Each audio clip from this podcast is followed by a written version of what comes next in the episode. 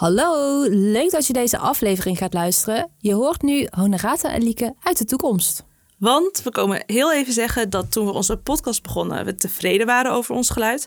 Maar achteraf bleek dat het toch nog wel veel beter kan. Daar zijn we ongeveer rond aflevering 15 achter gekomen. Het goede nieuws, we zijn gewoon verstaanbaar. En inhoudelijk is het natuurlijk sowieso de moeite waard om te luisteren. Ben je helemaal nieuw hier? Dan kun je naar onze trailer luisteren voor een kort overzicht van wat we in deze podcast aan het uitspoken zijn. En dan nu, veel luisterplezier. Van ons allebei. Hoi, ik ben Lieke. En ik ben Honorata. En dit is de Menstruatiemeisjes podcast. Samen met jou gaan we de strijd aan met period shaming. Vandaag delen we voor het eerst een menstruatiemoment van onze luisteraars. Vertelt Honorata wat je nu echt moet weten over PMDD. En plug ik natuurlijk het PMDD meme account.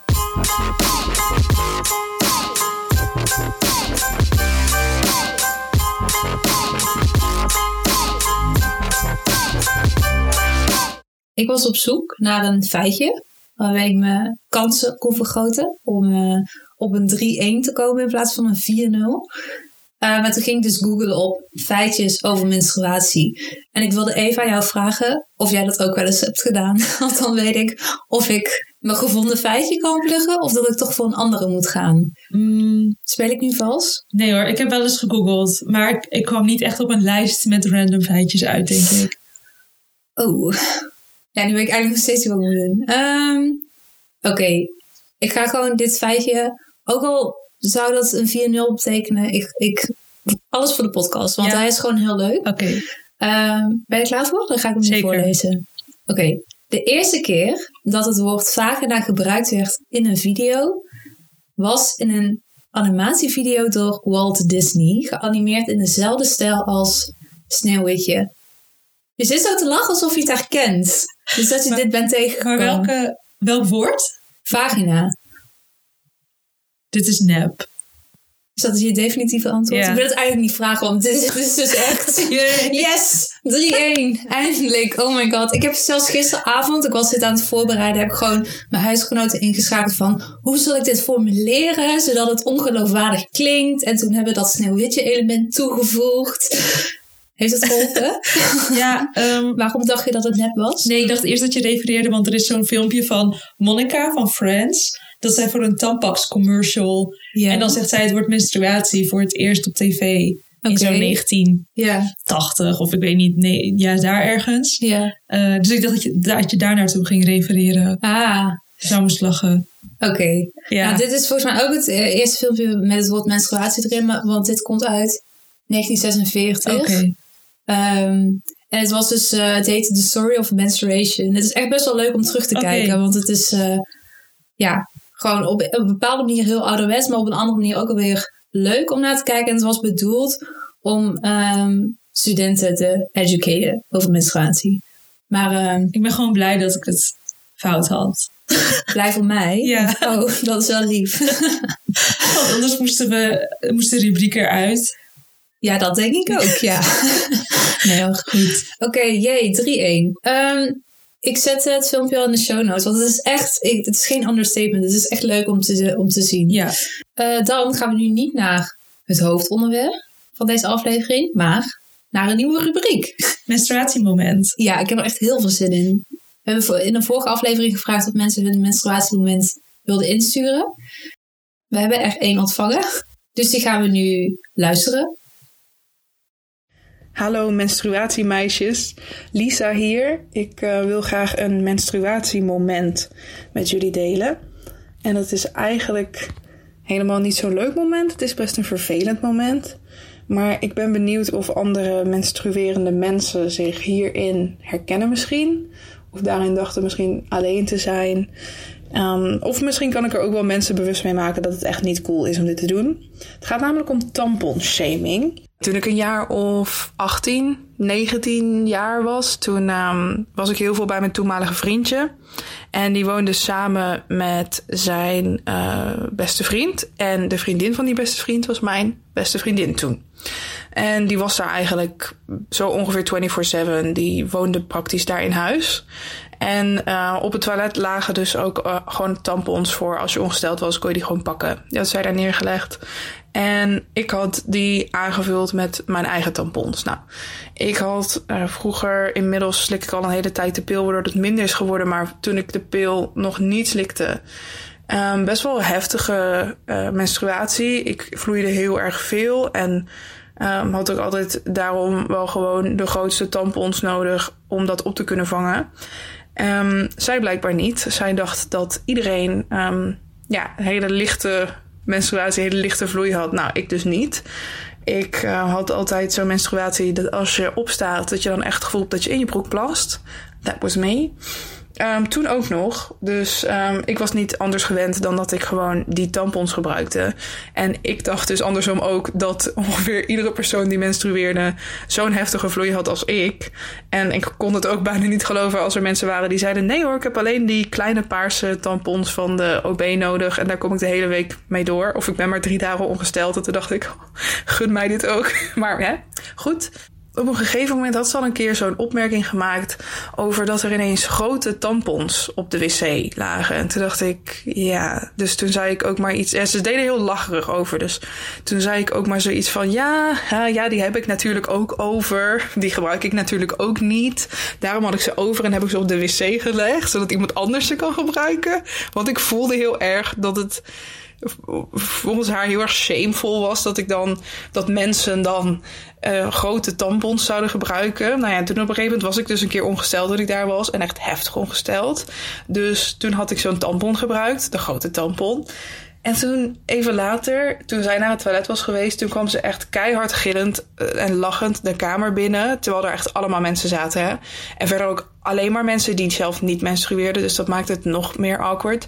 Oh my god, iemand heeft de grote tampon gebruikt. Zo kwam ze de kamer binnen rennen. En ze keek echt naar mij. Ze zei: Lisa, heb jij de grote tampon gebruikt? Waarom? en toen was ze me serieus aan het uitlachen omdat ik de grote tampon had gebruikt. En toen, in plaats van dat ik zei: Doe normaal, je bent echt op dit moment niet aardig, zei ik: Ja, anders dan uh, raken die ook nooit op. Dus ik heb die maar gebruikt, ook al heb ik hem eigenlijk niet nodig. En nu denk ik daaraan terug en denk ik: Dit is echt fucked up waarom, waarom doen we zo tegen elkaar? Waarom doen we alsof het shameful is om een heftige vloei te hebben? Of veel te vloeien tijdens je menstruatie? Veel te bloeden? Om... Ik vind trouwens vloei best wel een vies woord, maar maakt even niet uit. Waarom, waarom doen we daar zo moeilijk over met z'n allen? En waar komt die neiging vandaan om een ander persoon uit te lachen... of eigenlijk belachelijk te maken voor een hele groep mensen ook nog... omdat zij de grote tampon heeft gebruikt. Nou, dat was mijn menstruatiemoment. Ik um, vraag me af of dit jullie misschien bekend voorkomt. Of misschien luisteren er nu wel mensen die zeggen: Dit heb ik ook gehad. Of misschien dit heb ik gedaan. Of misschien mensen die zich hier helemaal niet bewust van waren. Nou, it's a thing, people. Ik vind het grappig dat ze helemaal op het laatst zegt: Oh, ik vind vloei een vies woord. Terwijl ik zat echt de hele spraakopname zo van... Oh, vloei, mooi woord. Ga ik ook gebruiken. Dus, uh, maar goed, side note. Over het verhaal. Ja, jeetje. Herken jij je... Heb jij je ooit geschaamd voor grote tampons of zo? Uh, nee, niet grote tampons. Wel grote maandverbanden. Maar niet in het bijzijn van andere mensen. Maar wel als ik dan nacht-maandverband had, dan dacht ik wel, jeetje, ik moet echt een luier aan. Is het normaal? Look at me, weet je wel. Dan voelde ik me echt niet chill met het feit dat dat zo gigantisch was. Uh, en ik wist ook helemaal niet van het bestaan van die grote tampons. Oh, ik had juist... Mijn moeder die gebruikte altijd best wel grote tampons. Of nou, ik vond dat dan groot stuk een beetje een waardeoordeel. Ja. Maar volgens mij, ze gaan maar tot een bepaalde maat. Ja. Dus dan is een, de grootste noem je dan groot. Uh, en ik had niet altijd mijn zaakjes goed op orde. Dus dan pakte ik van mijn moeder. Ja. Um, of als dan die kleinere op waren.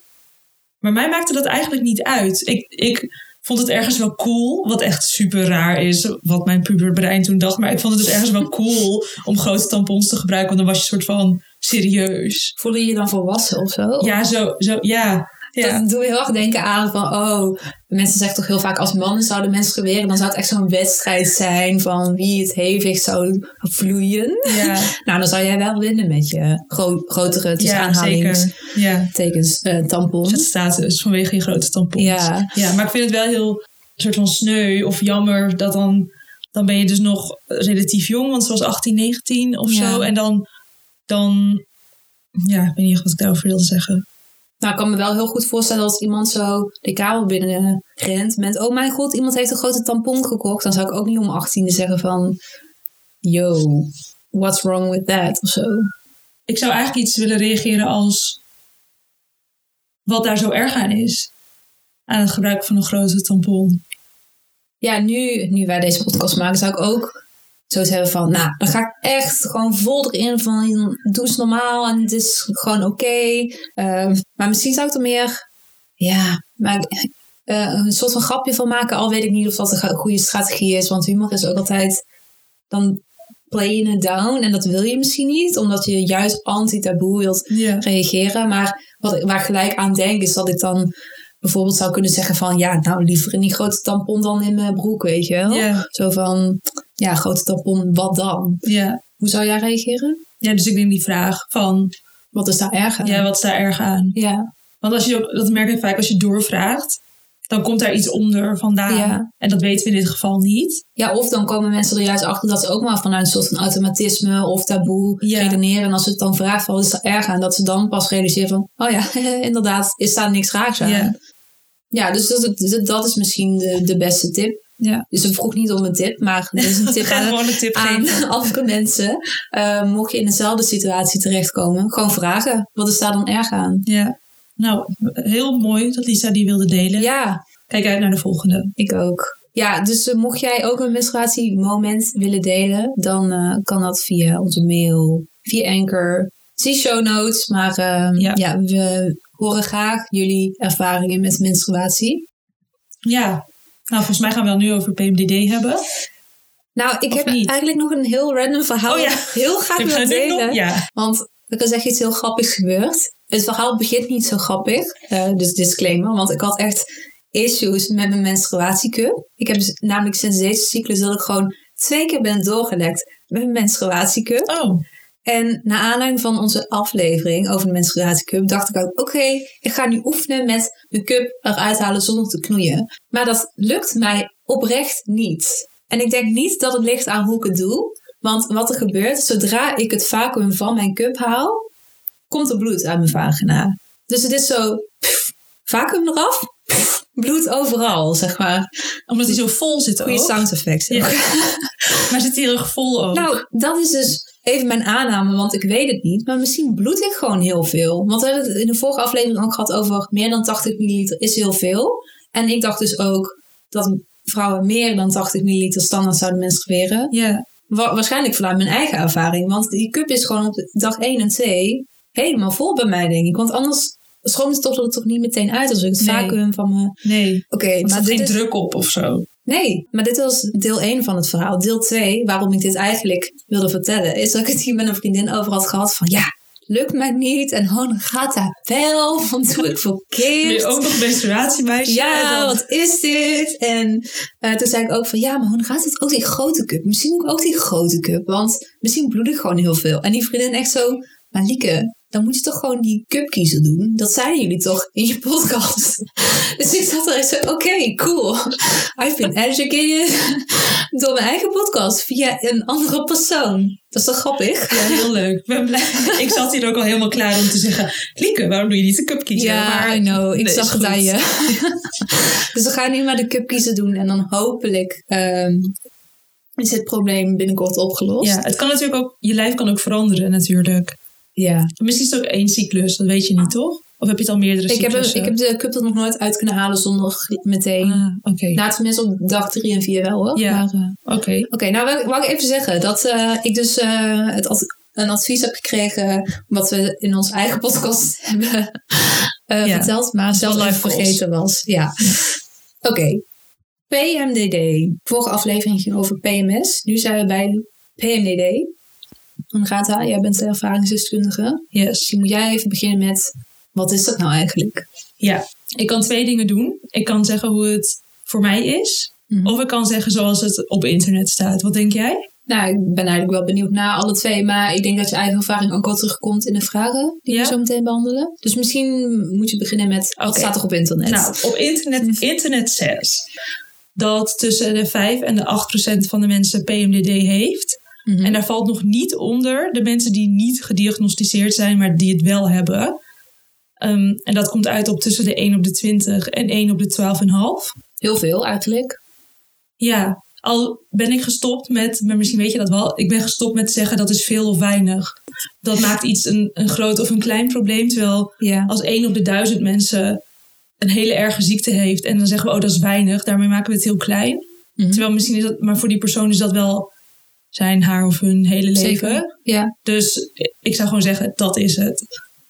Ehm, als je de diagnose wil hebben, dan moet je minstens vijf symptomen hebben. En die moeten dan aanwezig zijn voor de menstruatie. En na het begin van de menstruatie moeten ze afnemen. En ook een week na je menstruatie moeten ze, of, moeten ze zo goed als helemaal weg zijn. Mhm. Maar je hebt ook atypische PMDD. En dat is dat je het op andere momenten in de cyclus hebt.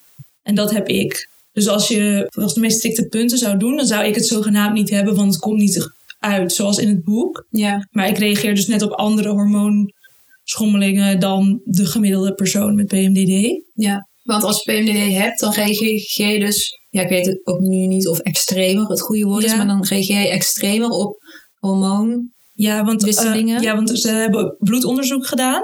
En als ze in je bloed kijken, dan heb je niet meer of minder hormonen, van die bepaalde hormonen dan een ander. Maar je reageert er gewoon heftiger op. Ja. Dus je kunt het ook niet, net als met PMS, kan je het niet in bloedonderzoek zien of iemand Nee. het heeft.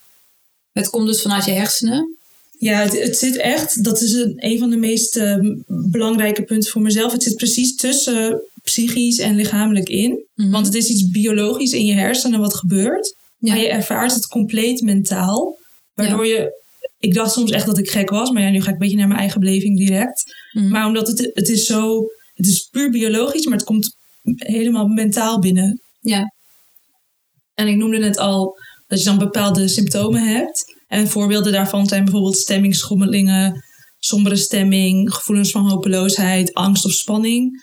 En ook verminderde, verminderde interesse voor dingen die je normaal wel leuk vindt. Mhm. Moeite met concentreren, vlug, vermoeid of een duidelijk gebrek aan energie. Meer of minder eetlust, heel moe of juist niet kunnen slapen. Gevoel overspoeld te worden door emoties. En het is dan ook nog het criterium dat je er zoveel last van moet hebben. Dat het je beperkt in je functioneren op werk of school of in relaties met anderen. En het Ja. mag ook niet een versterking zijn van een andere aandoening. Dus bijvoorbeeld als je een depressie hebt en die wordt erger tijdens je hormoonschommelingen, Ja. Dan is het niet direct PMDD. Dan is dat gewoon een depressie die vergroot wordt onder invloed van je cyclus. Ja. Maar qua ehm, symptomen en dat je dagelijks leven er dus blijkbaar onder te lijden heeft, dat doet me Mhm. heel erg aan PMS denken. Ja, Maar eh, jij hebt ooit al een keer een metafoor gebruikt en dat vond ik zelf wel sterk. Mhm. Van ja, PMS, PMDD is not the same. Dat gebeurt al heel vaak. Het wordt in één mond genoemd. Maar jij noemde PMS een beetje hoofdpijn. Eh, en PMDD dan de migraine variant. ja. Waar PMS is dus gewoon heel vervelend, maar PMDD heeft wel echt een veel grotere impact op je leven. ja. Ik, wil, ik vroeg me eigenlijk af of jij wel eens aan mensen hebt uitgelegd wat ik had. Ja. En wat, wat zei je dan? Eh, nou, dan begin ik gewoon met PMDD. Ja, En dan zeg ik ja, dat eh, basically. Ik ben nu een beetje bang om het te zeggen, maar ja, kijk. ja maar daarom vraag ik het juist ook. Omdat ik benieuwd was. Want ehm dit is een soort mini-test. Als, als mijn co-partner, menstruatiemeisje, hoe die het omschrijft. Dat zal altijd al beter zijn dan hoe andere mensen Ja, het omschrijven. nou, ik hoop het. Ja. Eh, ik zeg meestal dat, eh, dat jij dan een week ongeveer, maar ik heb vrij recentelijk wel ontdekt, of ik heb ik je horen zeggen dat het ongeveer vier dagen zijn, dat je eh, vrij weinig kan en dat je dan echt richting het depressieve zit, of gewoon zelfs depressief bent of Mhm. voelt. Ehm, en dat dat komt, dus komt door je menstruatiecyclus en dat je gevoeliger bent voor hormoonwisselingen. Ehm, ja, dan heb ik dat gezegd. Gaan mensen vragen stellen. En dan is het even afhankelijk van de vraag of ik zeg van... Nou, dit en dit. Of weet ik oprecht even Mhm. niet. Nou, wat vond je van het? Best wel een goede uitleg hoor. Oh, ja. yay. ben geslaagd. Ja. En hoe, hoe kom je erachter? Want dat is ook vergelijkbaar met PMS. Ja, ik maak Ja. nu steeds vergelijking met PMS. Moeten we juist niet doen. Maar Ja, zoals is we al goed. zei, niet bloed prikken. Waarschijnlijk ook een klachtenkaart of iets. Ja. Ik realiseerde me dat we ook nog niet hebben gezegd waar de letters voor staan. Dus misschien is dat handig om even te zeggen. Ja, zodat ik het ook kan zeggen Ja, het is premenstruele dysfore stoornis of disorder in het Engels. Ja. Dus dan is het PMDS of PMDD. Maar waar staat dysforen? Ja, voor mij betekent dat dysfore dat je soort van net voelt alsof je niet in je eigen lijf bent. En je voelt je een soort afstand tussen jezelf Ja. en jezelf. Wat heel vaag klinkt. Maar Hm. ik, en ik eh, heb ook het idee bijvoorbeeld dat iedereen aan mij kan zien als ik PMDD heb. Dat je het gewoon op mijn voorhoofd hebt staan. En als mensen dan naar me kijken of zo, dan denk ik... ja. Oh, diegene kijkt naar me, want ik voel me niet goed. Eh, nou, ik kan dat eh, niet bevestigen, want ik zie het niet aan je. Ik kan me wel herinneren dat jij altijd heel vaak zegt: Oh, maar dat is mijn PMDD. En dan denk ik: Oh ja, dat is inderdaad je PMDD. Als ik, wat kritisch, als ik kritisch ben bijvoorbeeld. Ja, of nou, ik denk meer over de dingen waar je dan normaal enthousiast over zou doen. En die dan gewoon, ja, op dat moment tijdens je PMDD niet leuk zijn. En dan, dan hoor ik je vaak zeggen: Oh, is mijn PMDD. En denk Oh ja. Ja, gelukkig maar, want huh, waarom vindt Renate dit ineens zo leuk? Vorige week was het nog amazing en nu... eh, Ja.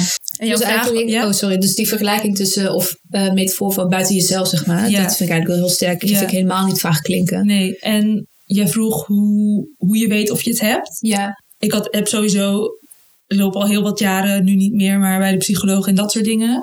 En er moesten eerst wat andere laagjes van afgepeld worden. Want je moet je voorstellen dat als je bijvoorbeeld PMDD hebt en je krijgt geen hulp, dan, zit je, dan ga je in een neerwaartse spiraal komen. Want bijvoorbeeld, ik, ehm, stel je voor, je, je doet je studie of zo en tijdens je PMDD-dagen moet je een opdracht doen en je hebt mensen beloofd om het af te krijgen, maar Ja. het lukt niet. Maar je moest ook eigenlijk je kleren wassen, maar dat is ook niet gelukt. Dus dan de volgende keer moet je naar school in, terwijl je niet fijn voelt. En je moet dan nog soort van goed maken wat je de afgelopen dagen hebt gemist. Maar je bent eigenlijk ook nog heel moe, want je dat voelde in je PMDD. Mhm. En als je dat dus de hele tijd herhaalt, dan ga je heel erg achterlopen op jezelf. ja, Dus toen al die andere laagjes eraf waren, was ik eigenlijk beter in me mentaal.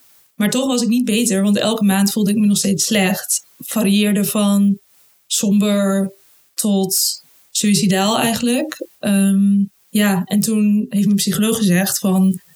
kan het niet zijn dat het met je cyclus samenhangt? ja, En toen wist ik het gelijk, maar dat had ik ook eerder genoemd in de podcast. Dat ik gelijk wist dat dat, eh, dat, dat het was. Ja. En elke keer als ik dus zo iets ontdek over mezelf, dan ga ik soort van verschillende fases door van eerst blij, want dan weet ik van wat er met me is, ja. wat ik eraan kan doen, maar ook wat als ik het eerder had geweten, dan had ik veel eerder hulp kunnen hebben. En hoe, denk je, hoe kijk je nu terug, terug op het feit dat je, want je hebt het redelijk laat ontdekt, volgens Ja. mij.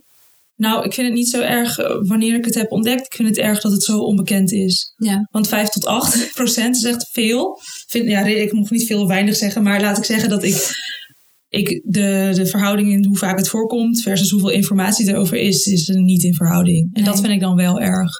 Iemand vroeg ook via Instagram. ehm, hebben dit onderdeel trouwens helemaal niet geïntroduceerd, maar ik heb je net ook een vraag gesteld. Die kwam eigenlijk via Instagram binnen. En dit is een tweede vraag. Maar hoe kan het eigenlijk dat we hier zo weinig over weten? Ik denk in het algemeen, omdat alles wat samenhangt met cyclus en vrouw zijn gewoon lekker lang buiten de wetenschap is gehouden. Ja. En buiten funding, net zoals met die erectiestoornissen. Ja, mijn favoriete woord. Ehm, ja, en de hele wetenschap jarenlang geleid is door mannen. ja, Dus daarom, eh, daarom. En, en het is natuurlijk, ik heb er ook moeite mee gehad toen ik dit ging delen. Van hoe kan ik feminist zijn en strijden voor gelijkheid en dat ik minstens net zo goed ben als een man. En tegelijkertijd toegeven dat ik PMDD heb en last heb van mijn cyclus. Ja. Hoe gaan die twee dingen samen? ben je er al uit? Dat vind ik ook een ingewikkeld vraagstuk. ik ben eruit in de zin dat ik vind vrouwen dragen een heel, of mensen met een baarmoeder dragen een groot deel van de voortgang van onze soort. Ja, Kijk, mannen leveren ook een bijdrage, maar dit is wel echt gewoon iets kortere duur dan wat een vrouw moet doen. ja. Ehm, en dat straffen we. En ik vind dat we dat moeten corrigeren in plaats van straffen. ja. Is dat een antwoord op je vraag? Zeker wel. Ja, absoluut. Een vraag die ook vaak gesteld eh, werd was eh, of je er iets tegen kan doen. Ja, er is wel een jaar geleden volgens mij een onderzoek uitgekomen uh, wat een eerste stap is in kijken waar het vandaan komt. Dus hopelijk is er ooit bijvoorbeeld een medicijn dat er echt tegen helpt. Ja. Gericht tegen dit. Ik gebruik antidepressiva constant. Je kunt het ook alleen tijdens je PMDD-dagen nemen, maar op dit moment voel ik me redelijk stabiel. Dus heb ik geen zin om te experimenteren met mijn medicijnen. Ja. Je kunt het ook zonder antidepressiva doen. Je kunt ook aan de pil gaan. Voor sommige mensen helpt de pil. Voor sommige mensen maakt het het erger. Voor mij maakte het het erger. Want toen ik van de pil afging, werd het beter. dus Ja. eh, conclusie, de pil maakt het erger. Ehm, en het beste wat je kan doen is er ruimte voor te maken. Want als, je er, als ik ruimte incalculeer voor mijn PMDD in mijn agenda, dan gaat het veel makkelijker voorbij. En dan leg ik geen druk op me. En als ik er geen ruimte voor maak, dan kom ik ook zo moe die dagen uit. Dan denk je van, oh nou, ik had PMDD, maar tenminste heb ik wel wat gedaan. Ja. Maar die rekening krijg ik dan daarna. Dus dat is alleen maar een Ja. soort van uitstellen. ja, Eh, misschien ook wel een dubbel. Het, het klinkt minder efficiënt, want dan heb je er meer last van in die end. Ja, En hoe weet je dat dan dat mensen in jouw omgeving ermee omgaan? Want als je dit nu hoor zeggen, denk ik, oh, misschien kan ik dan zelf ook actiever zijn in die vier dagen waarin jij er superveel last van Mhm. hebt. Want het komt wel eens voor dat je zegt, oh, ga het toch even doen, maar PMDD. En dan zeg ik, oké. En dan denk ik, zelf weten. Maar misschien kan ik ook zeggen, moet je dat nou wel doen? Vraagteken. Of nee, doe maar niet. Ja. Uitroepteken. ik ben zelf meer van het hulp vragen en aangeven dan dat een ander dat voor jou invult. En dat is niet echt fijn. Mhm. Wat ik wel nog wil doen is in onze gemeenschappelijke agenda die ergste dagen inplannen. Want dan kan je even meekijken. Dan zie je ook van, Ja, daar zit het zwaartepunt van de maand. En bij jou kan dat ook. Want we hebben ook eerder gezegd, nou ik zou dat op mijn werk niet invullen. Maar met jou durf ik het wel aan. Oh, gelukkig. Ja. ja. Ja, en dan, eh, nee, dat, ik denk dat dat het meeste helpt. Ja. ja. Ik had van tevoren voor het op, eh, opnemen van deze aflevering wilde ik heel graag uitleggen hoe het is om PMDD te, he- te hebben. En ik heb een soort metafoor verzonnen. Oh, ik ben heel benieuwd. Ja, ik moet even corrigeren, want ik heb dus wel zeven dagen per maand, maar ik heb een cluster van vier rond mijn ovulatie. En dan heb ik een stukje verderop in de cyclus gaan die hormonen nog op zo'n soort mini rollercoaster. Daar heb ik ook nog drie dagen, dus het zijn er wel zeven, maar vier zijn heel erg. En die drie zijn moi. Mhm. De metafoor is dat, je, dat, dat ik weet van oké, die vier dagen, dan ga ik alles in zwart-wit zien. Mhm. Dus dan denk ik, oké, dan moet ik er even rekening mee houden dat alles wat ik denk, dat ik dat zwart-wit zie en dat is tijdelijk. Maar dan breken die vier dagen aan en dan zie je alles zwart-wit. Maar dan voel je aan je hoofd en dan heb je helemaal geen bril op. Mhm. En dan denk je, huh? Maar het is niet dat ik het zwart-wit zie. Het is allemaal zwart-wit. De eerste dag gaat nog. Dan denk je, oh, gisteren zag ik nog dingen in kleur. Maar die vierde dag, dan is het echt al vier dagen geleden dat je kleur hebt gezien. Dan lijkt het zwart-wit het nieuwe normaal. Ja, dus dan denk je, het is altijd zwart-wit geweest. En je denkt ook dat het altijd nog zwart-wit zal zijn. Mhm. Dus op het laatst vraag ik dan ook aan mijn vriend van... Het wordt weer beter, toch? Ik ga me toch weer normaal voelen. Ja. Eh, hij zegt dan, het wordt weer beter, maar dat kan ik dan eigenlijk ook niet geloven. En als het voorbij is, dan denk ik, oh, het is voorbij. Maar je weet ook dat de volgende al over, want ik heb, mijn cyclus is 28 dagen, min 7. Dan heb ik dus 21 dagen, zeg maar, rust. Mhm. Maar dan komt hij gewoon weer. En gewoon elke cyclus. Dus En die drie dagen daarna, zeg maar, die ervaar je als een soort van grijze fase? Of... ja, zoiets. Ja, dus dan zie je al een beetje kleur. Ja. Ehm, Goeie metafoor? hele goede metafoor. Oké. Ja, I like it. Wat mensen zich ook afvroegen is hoe je daarmee omgaat. Met Mhm. relaties, friends, Ja. business partners. ja. Ik heb geleerd dat open zijn bij de mensen waar het zin heeft, helpt. Mhm. bij mensen waarvan je denkt, nou, die begrijpen eigenlijk niet eens wat depressie is, daar probeer ik het niet eens, want dan kom je gewoon, nou, dat is dan alleen maar teleurstelling en eh, Ja. niet veel te winnen. Dus ik denk open zijn. Ik laat ook weten als mensen me een berichtje sturen, dan zeg ik, oh, oh nee, als mensen met me willen zoomen of zo, om te zitten, zeg ik, oh, heel even niet, want kan even niet, Ja. maar binnenkort wel weer. Eh, ik laat ook weten dat ik het fijn vind om berichtjes te krijgen, maar dat, dat ik niet per se reageer. Dus dan lees ik ze wel, maar dan reageer ik niet. Maar dat komt ook door dat dysforen, omdat ik me dan zo losgekoppeld voel. Dus dan snap ik gewoon niet echt hoe Mhm. ik moet reageren. Of ja, dan voel ik me gewoon niet mezelf. Ehm degene die het meest van merken van je PMDD, van mijn PMDD, zijn de mensen die dichtst bij me staan. Dus bijvoorbeeld vooral mijn vriend, maar ook mijn zus. Of stel je bent met je familie op vakantie, die krijgen het dan ook echt heus wel mee. Ja. Vooral familievakantie is sowieso al wel heftig. Dus laat staan als je nog PMDD erop gooit. Ehm, ik was dus bang om het aan anderen te vertellen. Maar ik zet toch een masker op voor die andere mensen. Of ik pers er toch een glimlach uit. En ik doe wel make-up op. Terwijl als ik thuis ben, dan lig ik gewoon in mijn pyjama op bed. Mhm. Dus eigenlijk is het ook wel... Daar zou ik ook wel meer open over willen zijn. Dat ik draag nu naar buiten van... Oh, ik heb PMDD. Maar ik laat ook in mijn dagelijks leven laat ik het niet echt zien. Maar wel binnen menstruatiemeisjes. Dus dat kan ook wel mensen hun beeld vervormen. Misschien, ja. Hm. Ehm, we hebben ook een persoonlijk verhaal binnengekregen van iemand. En die persoon zegt het volgende. Het is verschrikkelijk. Ik ben gevoelig voor ho uh, uh, hormoonwisselingen, bijvoorbeeld postnatale depressie gehad. De week voor mijn menstruatie is het leven een grote ellende. Er zijn momenten die zo zwart zijn uh, dat ik soms niet meer wil. Alles is beter dan me zo voelen. Een paar dagen later is het weer oké. Okay. nou ja, op de menstruatiepijn na, zegt deze persoon. Nu ben ik aan de uh, Kerazettenpil. Cerazette, denk ik. Cerazette. Hopelijk ooit door leefstijl slash voeding wordt het beter. Maar die pil redt nu misschien wel mijn leven. Ja, ik, ik vond het echt sowieso vet mooi dat we nog een reactie kregen van iemand. Ik weet dat we er een paar hebben. Ja. Maar ik vind het wel heel mooi dat iemand het wil delen. En ik denk dat we sowieso in de aflevering even een trigger warning ervoor moeten gaan zetten. In de omschrijving. Uh, want ik wil nog even reageren op dat er zijn momenten die zo zwart zijn dat ik soms niet meer wil. Want bij mij is in mijn, mijn worst case scenario is dat ik. Oh nee, mijn best case scenario is dat ik het begrijp dat mensen suïcide plegen en dat ik er aan denk. En worst case scenario, of nou, ik zeg het niet goed. Best case scenario is dat ik het begrijp. En worst case scenario is dat ik eraan denk. En dat, dat zeg ik nu heel oppervlakkig en ik kan me daar even niet ik voel daar nu geen emoties bij nu ik dat zo zeg. Maar eigenlijk is dat heel erg. En dat is nog op antidepressiva.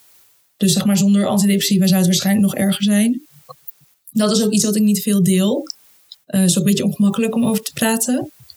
Maar ik vind het wel ook een belangrijke kant om te delen. Want anders ga je er alleen maar zo praktisch over doen. Ja. En ik denk dat het feit dat je er niet over kan praten of met weinig mensen, dat maakt het ook nog heel eenzaam. Want als je bijvoorbeeld een gebroken been hebt, dan komen mensen naar je toe en die gaan op je gips schrijven en die zeggen hoe is het gebeurd? Ja. Gaat het? Kan ik je helpen? Kan ik boodschappen voor je doen? Maar dit zie maar, je niet natuurlijk. Nee, en dit zie je niet. En mensen weten niet echt hoe ze kunnen helpen, denk ik. Of misschien ook eng vinden. En het is ook moeilijk, want iemand met gips, die maakt misschien nog grapjes of die lacht of die vertelt leuke verhalen. Ja. Maar iemand die somber is, die is gewoon vaak leeg. Dus ik hoop dat we met menstruatiemeisjes daar ook meer bewustwording rond kunnen creëren. Ja, mooi. Alright. Dan komen we nu bij de, de laatste vraag, toch?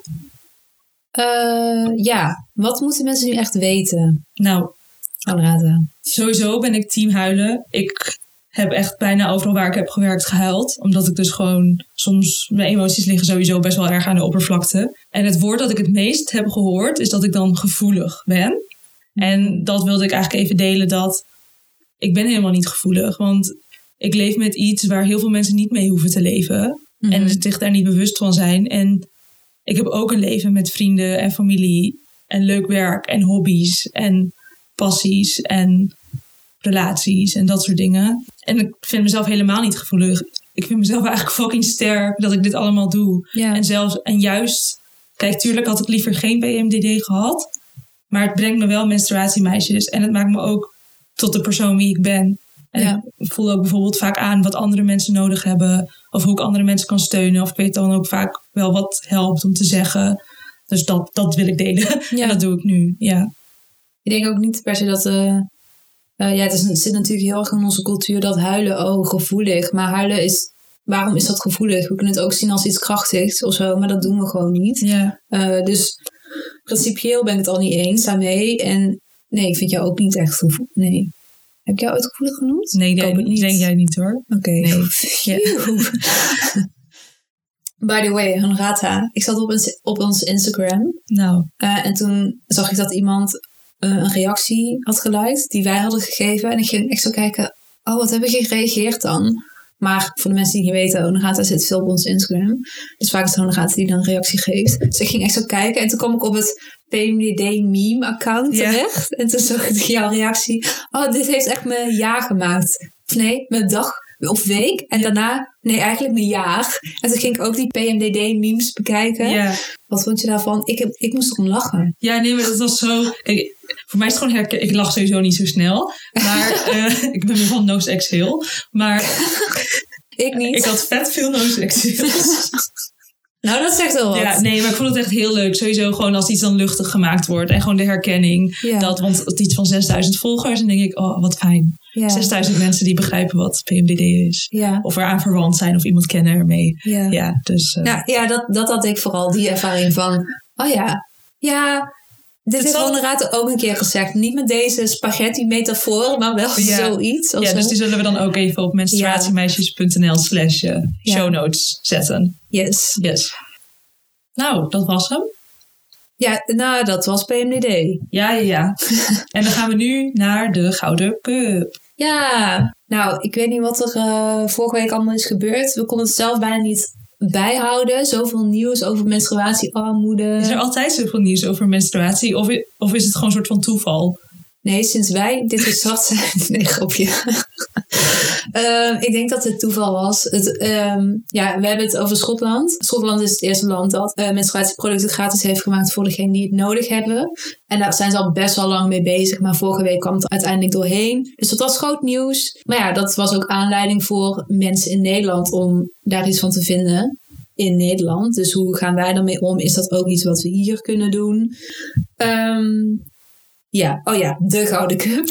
Want die gaat naar Lilian Ploemen. Ehm, Van de PvdA, toch? ja, Partij van de Arbeid. Eh, want zij is eh, Tweede Kamerlid en zij is, nou, zover wij konden zien, een beetje de enige die hier aandacht voor vraagt in Nederland. Ze heeft ook voordat dat in Schotland eh, werd bepaald, dus die gratis menstruatieproducten, had ze ook wel Kamervragen gesteld.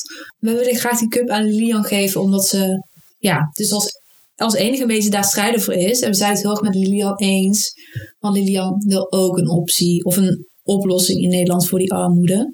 Ehm, ja, en die moeten natuurlijk gewoon komen. Of dat Ja. nu gratis menstruatieproducten zijn of iets anders. Ik weet even niet Of, of een cup in de basisverzekering. Of wasbaar Ja. maandverband. In de, of überhaupt iets in de basisverzekering. Exactly. Stop Ja. dingen in de basisverzekering. Die voor meer Exactly. gelijkwaardigheid zorgen. Ja. Ja, oké, top. Hashtag. Zijn wij daarover uit. ja. Ehm, ja, dus de Gouden Cup gaat naar eh, Lilian Ploemen. Dat, ja, dat was hem dan wel. De aflevering, ja. Waar gaan we het over twee weken over hebben? Over twee weken gaan we het, surprise surprise, over menstruatiearmoede hebben. In de media. In de media. Ja, dus niet per se over... eh, wat... Ja? Sorry, ik ga even door je heen praten. Ja, ik merk het. Ik heb gewoon zin in. ja, eh, niet per se over ehm, wat dat dan inhoudt. Ehm, nou, misschien ook wel, maar dan in twee zinnen gaan we dat even behandelen. Maar we vinden het vooral interessant hoe de media nu met het issue omgaat. Wat mensen daarover zeggen. En Ja. waarom veel dingen die mensen zeggen gewoon niet kloppen. Dus we dat willen helemaal ontleden. Vet mediaception, want dan die mensen zeggen iets en daar wordt weer op gereageerd. Ja. En daar wordt dan weer een reactiefilmpje. Ja, Ja, maar we gaan het wel proberen overzichtelijk te maken in de aflevering.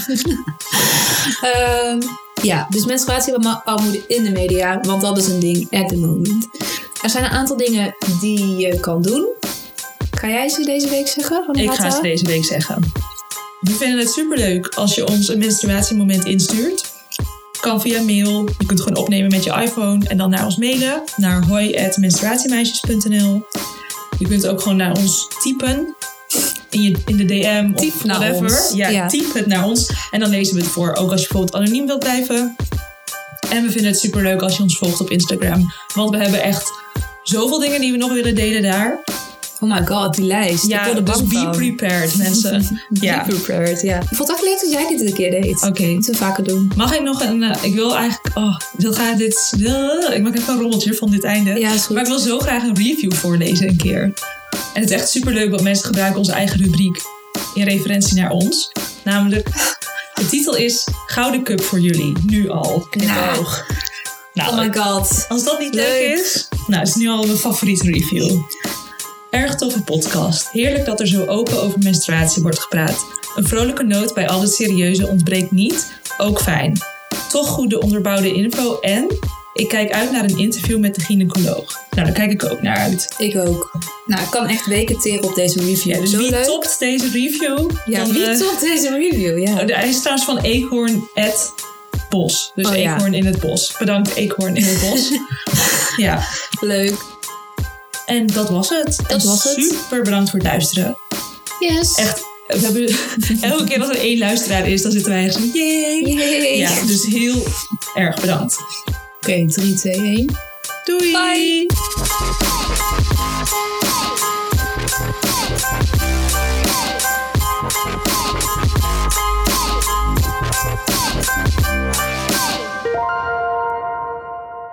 Ik, ik, ik begin met. Jij moet even die volgende week Ja, doen. want ik, dit heb, is ik, heb het door. Ja. Ja. en dan vraag ik wel wat mensen kunnen gaan doen. Lieke voor de edit. Nu komt onze laatste poging. Klap even een paar keer hoor. Wat een bevalling!